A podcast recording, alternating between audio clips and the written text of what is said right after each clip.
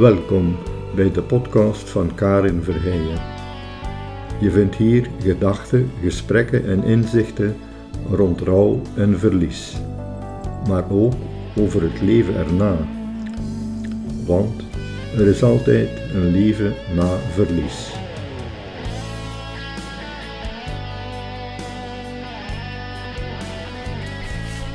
Dag beste luisteraar. Het is een uh, koude donderdagmorgen in coronatijd. Maar wij zitten hier in een heel rustige witte kamer in een mooi oud herenhuis in Berchem met een warme kop thee. En ik zeg bewust we, want ik ben hier niet alleen. Ik heb vandaag Vanessa bij mij en ik ben eigenlijk heel blij dat ik jullie haar verhaal kan uh, laten horen. De raam staat ook een beetje open, dus als je vreemde geluiden hoort, dan uh, is dat de oorzaak daarvan. Goedemorgen Vanessa. Hallo. Kan je misschien vertellen wat er met jou en je gezin gebeurd is? Ja, uh, wij zijn een gezin, wij waren een gezin van vier. Mm -hmm. Peter, mijn vriend, man, mijn maatje, zoals ik ook zelf zei. En dan uh, twee kinderen, een zoon Zep en een dochter Ray. Mm -hmm. En eigenlijk ondertussen al drieënhalf jaar geleden nu is Peter, uh, heeft hij een uh, onbekende agressieve kiemceltumor gekregen. waar dat hij dan anderhalf jaar heel hard heeft tegen vechten en van alle behandelingen gehad heeft en waar uiteindelijk toch die tumor naar zijn hersenen gegaan is en dan uh, was het eigenlijk on, onbehandelbaar geworden en is hij er eigenlijk aan gestorven. En dat gaat nu 29 december twee jaar geleden zijn. Zeg Vanessa, wat, wat voor iemand was Peter? Of wat voor een koppel waren jullie? Ze lacht. Ze lacht als ik deze vraag stel. Uh, wij waren, wij waren een, een, goed koppel met, met veel plezier samen. Wij deden alle vrije tijd die we hadden samen. Wij brachten die samen door. Wij deden dezelfde dingen, hadden dezelfde interesses. Um, maar door hem is er wel heel veel gewerkt geweest. Dus hij was zelfstandige. Wij hadden een immens groot huis, een opbrengsteigendom en uh, dat was een levenswerk. Mm -hmm. um, dus ik denk dat we daar wel heel veel uh, tijd aan verloren zijn, aan, aan, die, aan die bakstenen. Dat is jammer, vind ik nu. Ja, en wat, wat wat wil je daarmee zeggen, tijd verloren? Of hoe had je die tijd dan liever ingevuld, wetende nu wat er gebeurd is? Ja, meer tijd samen. Hè. Meer, mm -hmm. Nog meer uh, dingen samen gedaan, buiten het werk om. Is wat meer gaan wandelen. Allee, uh, de dingen die je, die je vroeger altijd maar uitstelde, omdat eerst dit moest gebeuren. En dat, dat zou ik nu wel prioriteit uh, van maken. Ja, dan weet het niet op voorhand. Nee.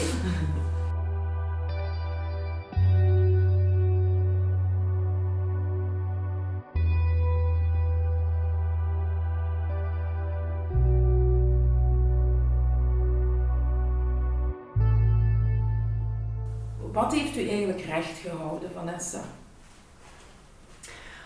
Uh, toen hij ziek was, zeker en vast um, de hoop dat hem ging genezen.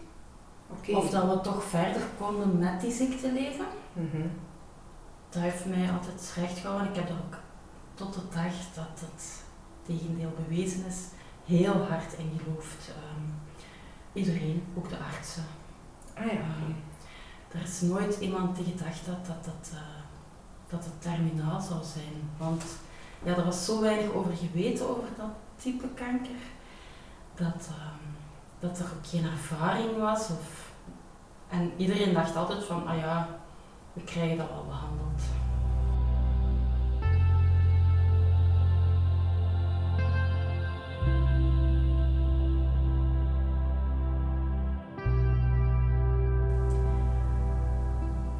Ehm, denk dan na het overlijden dat, dat het de kinderen zijn hè, die mij recht houden. Ja. Het feit dat ze naar school moesten, een soort routine. Ja, en, en, en ervoor moeten zorgen, ook die Mhm. belofte gemaakt om het, eh, om het wel goed te krijgen, om ze wel eh, op de goede weg te, te zetten. Dat is niet gemakkelijk. Nee. Nee, nee, nee. Nee. Ja, want ehm, een van de dingen die mensen zich misschien niet zo realiseren, die dat niet hebben meegemaakt, is dat als je je partner verliest, dat je heel veel andere dingen mee verliest. Dingen die hij deed voor u of voor uw gezin en die nu ook wegvallen. Onder andere bijvoorbeeld dan de rol van medeopvoeder. Ehm, Peter heeft ook echt nog wel zelf gezegd voor dat hem stierf dan, ehm, dat wij een goede tandem waren en dat altijd degene die het sterkste was in zijn talenten of zo op kop zat en, en de richting aangaf. Ik vond dat mooi verwoord van hem. Ehm, maar dat is waar, ja. Eh, dan merk ik nu dat je op dingen botst. ehm, praktische zaken, hè. Dus Ja. ja, ja ik ben niet zo'n handige. Dus dat is eh, heel, ja, heel vervelend. Er kwam bij ons eigenlijk nooit iemand anders aan te pas, want hij, eigenlijk kon Peter alles. Dat was een heel handige. Ehm, dat mis ik op dat gebied, hè, dus het praktische. Absoluut. Ehm, maar vooral de, de kinderen die dan rouwende pubers zijn en waar dat ik het soms niet bij weet. En dat je dan toch wel zo af en toe zou willen zeggen van, "Oh, pak dat hier eens over. Eh, ik ben moe, eh, ik wil niet meer, ik wil er niet meer tegenin gaan, ik wil niet meer discussiëren. Ik zou graag hebben dat, dat jij eens even babbelt met hem. Zo. Ja, dat is, dat is het grootste gemis, hè Mhm. dat je niks kunt overleggen. Ehm, alle beslissingen die je moet nemen, hoe klein of hoe groot ook, die moet je alleen doen.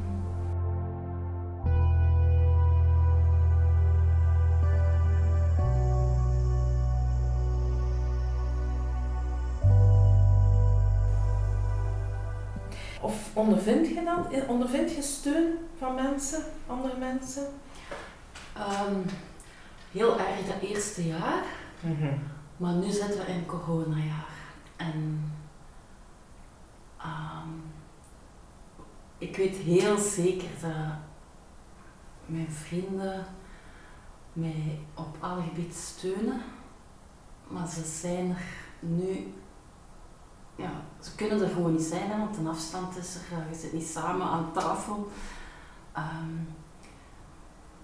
en dat is moeilijk, hè, want je, er zijn, ja, ineens komt dat op dat, dat je met iets zit, een vraag zit en er niemand nu is om je daarin te helpen. Ehm, ja, dat is... Wat doe je dan, Vanessa, op zo'n zwaar momenten? pikken. Heel veel ehm, de vraag opnieuw herhalen aan onszelf. eh, proberen een antwoord te vinden en dan op een deur gaat moeten. Hè. Je gaat een beslissing moeten nemen, maar ik denk dat ik nu toch wel meer als vroeger daarover twijfel. Ik denk dat ik vroeger rap, rapper zei van oké, pak die beslissing en die is goed. En daar ook niet meer op terugkomen. Maar nu denk ik dat ik meer pieker daarover. Omdat je ook niemand hebt om het dan af te toetsen eigenlijk. Ehm, ja, Ja. ik vind veel dingen moeilijk. Ja. ja, dat lijkt me niet meer als logisch. Er komt echt, eh, ja, je verliest heel veel als je Mhm. iemand verliest. En ehm, Ja, het is ook niet zo gepland. Hè. Je begint samen aan, aan een jong leven. Aan, eh, je beslist samen van we gaan hier voor kinderen. Je hoopt natuurlijk dat je samen ehm, daar misschien ook nog wel eens kleinkinderen van krijgt. En die dan samen eh, mee uit wandelen neemt. Of, En dat zijn dingen die gewoon allemaal weg zijn. Hè? Die, Mhm. die komen nooit meer terug. Hmm. Dat is pijnlijk.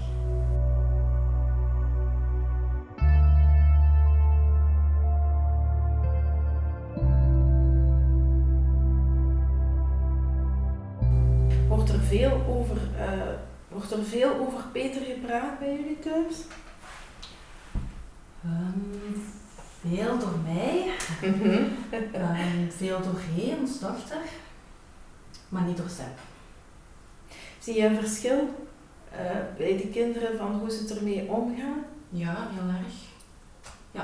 Ja. En dat zijn ook dingen die je niet eh, weet van je kinderen voordat er zoiets gebeurt.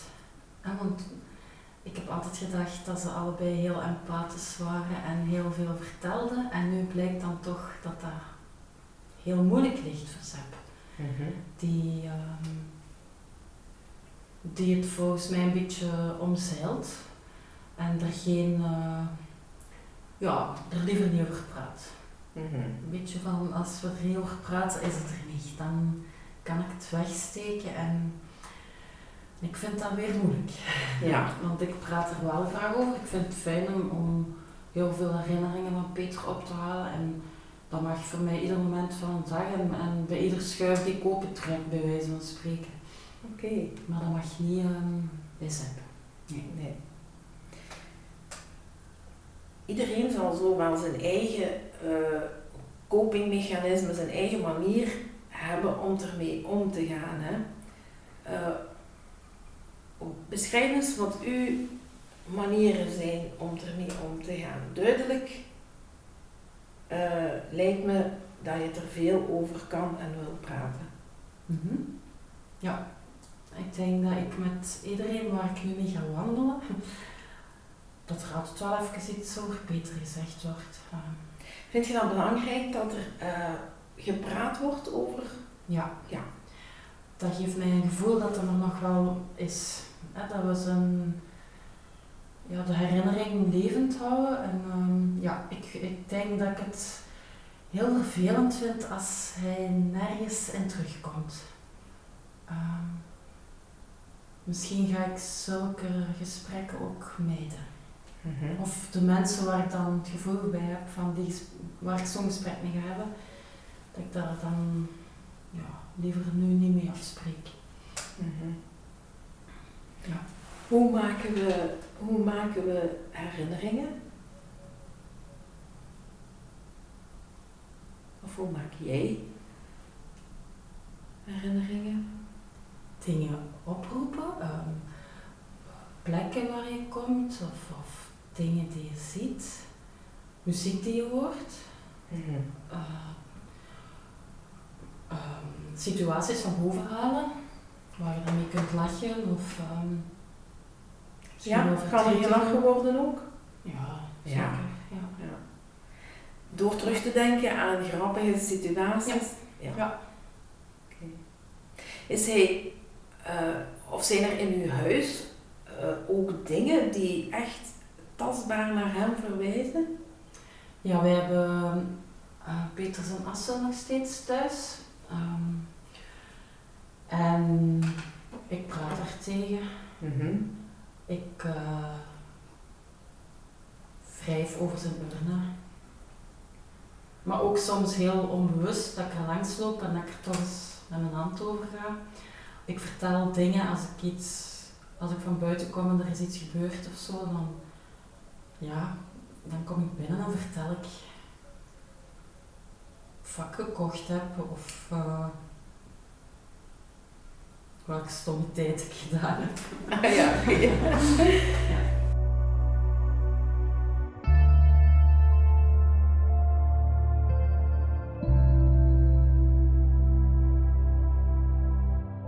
Zeg, en een vraag waarvan ik weet dat heel veel mensen dat bezighoudt. Ehm als je dat doet, en ik denk dat dat eh, een, heel, een heel mooi iets is, hè? zo dat blijven vertellen. Maar heb je dan het gevoel dat er iets terugkomt van hem uit? Ja, weer. eh, ik denk dat ik hem daarmee bij mij hou. Ja. ja. Ja, ook het feit van dat die urne daar nog is, dat is niet... ehm, die is gewoon nog bij ons voor een stuk. Ik denk, moest hij nu ergens op een kerkhof liggen hebben of zo, dan moet je toch altijd die stap nemen om daar naartoe te gaan. Mm. Ja. En dat is niet... Ik heb ook echt wel, als ik ergens langer naartoe ga of zo, dan neem ik ook altijd een stukje van zijn assen mee. Ja. Ik ga wandelen met Peter op mijn, in mijn rugzak. Eh, ik ga skiën met hem in mijn rugzak. Van de zomer gaan kajakken. Ja, die gaat mee. En ik denk dat ik me heel eenzaam zou voelen, moest ik dat niet doen. Oké, dat is mooi. Zeg Vanessa, wat kunt je zo'n moment beschrijven, als je nu terugdenkt aan, aan die jaren, dat er echt een moment geweest is dat je het allerzwaar, zwaarste moment vond, dat je het echt zo zwaar had dat, ja, ik weet niet, wat is zo het moeilijkste moment geweest? Nu van het voorbije, van de voorbije periode.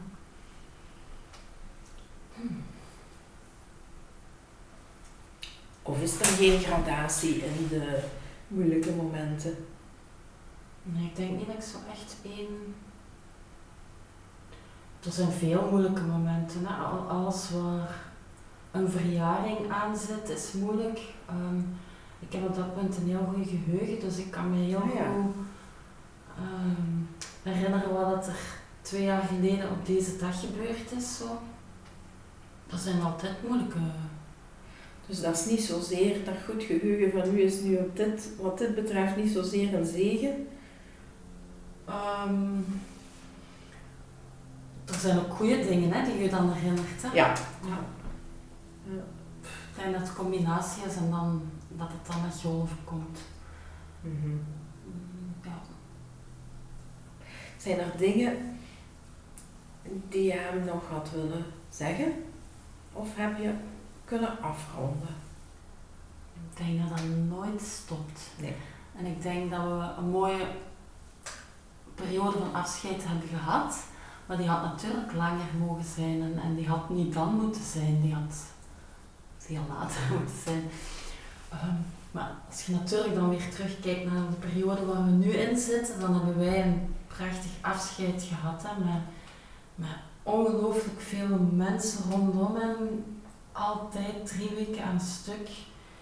Ehm, en hij heeft op palliatieve zorg gelegen en dat was voor hem ook een mooie manier van afscheid nemen, omdat er heel veel mensen nog bij hem geweest zijn.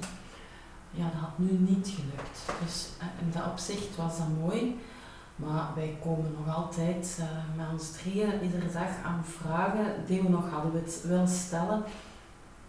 Ehm, dus ja, nee, het gaat nooit, het gaat nooit Nee. goed geweest zijn. Hè? Ja. En denk je dat het, dat het een verschil maakt voor iemand zijn rouwproces als je eh, gelijk Peter een, een, eerst een ziekte krijgt waarvan je uiteindelijk dan wel weet van dit gaat hier niet goed aflopen, dus ik kan nog een aantal dingen zeggen. Of als iemand heel plots wordt geconfronteerd met de dood, denkt jij persoonlijk dat dat een verschil maakt? Ja, ik denk dat heel erg. Ik ben zelf ehm, in een lotgenotengroep gestapt. En er zijn een aantal mensen die een eh, partner verloren hebben door een ongeval. Eh, ja, ik zie dat wel dat die daar eh, Ja. heel veel vragen bij hebben. Ja. En dan ben ik bij de gelukkige dat ik toch nog op een manier heb kunnen afscheid nemen. Allee, als ik het zo mag noemen. Ja. ja.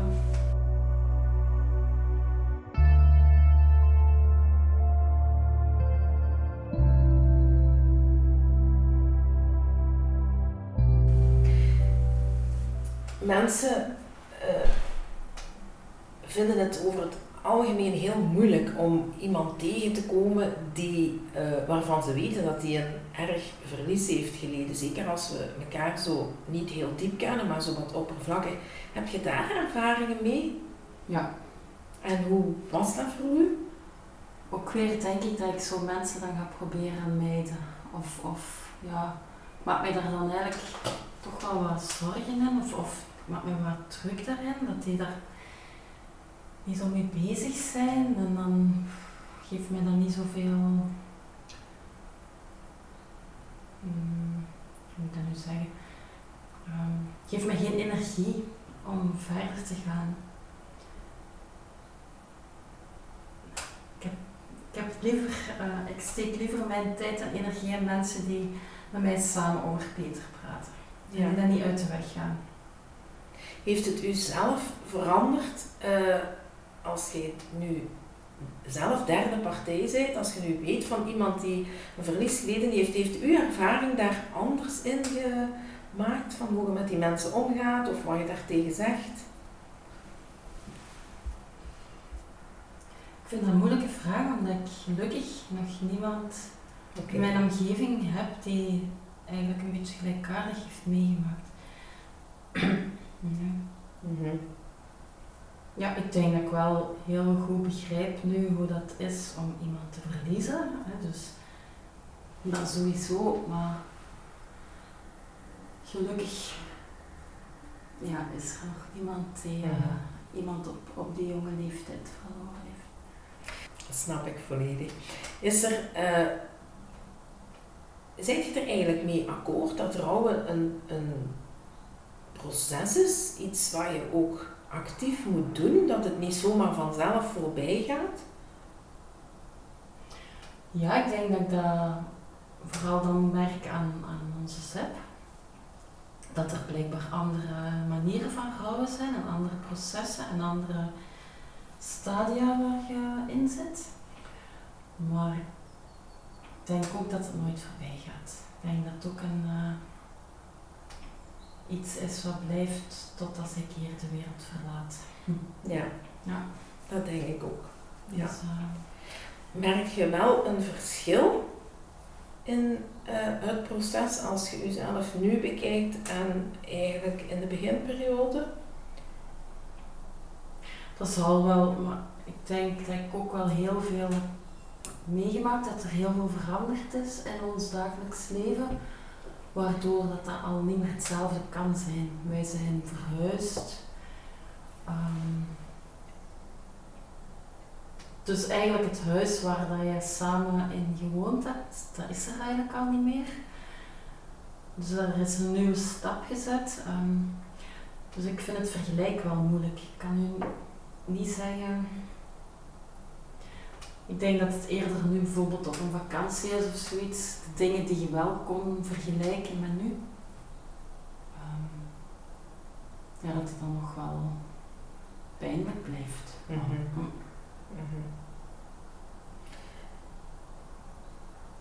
En tot slot een heel belangrijke vraag voor mij en misschien voor iedereen die luistert. Is er nog leven na verlies, Vanessa? Na verlies, dus mhm. na op deze wereld.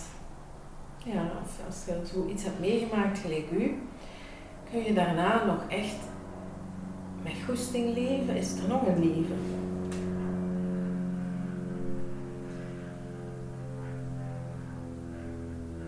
Er is een.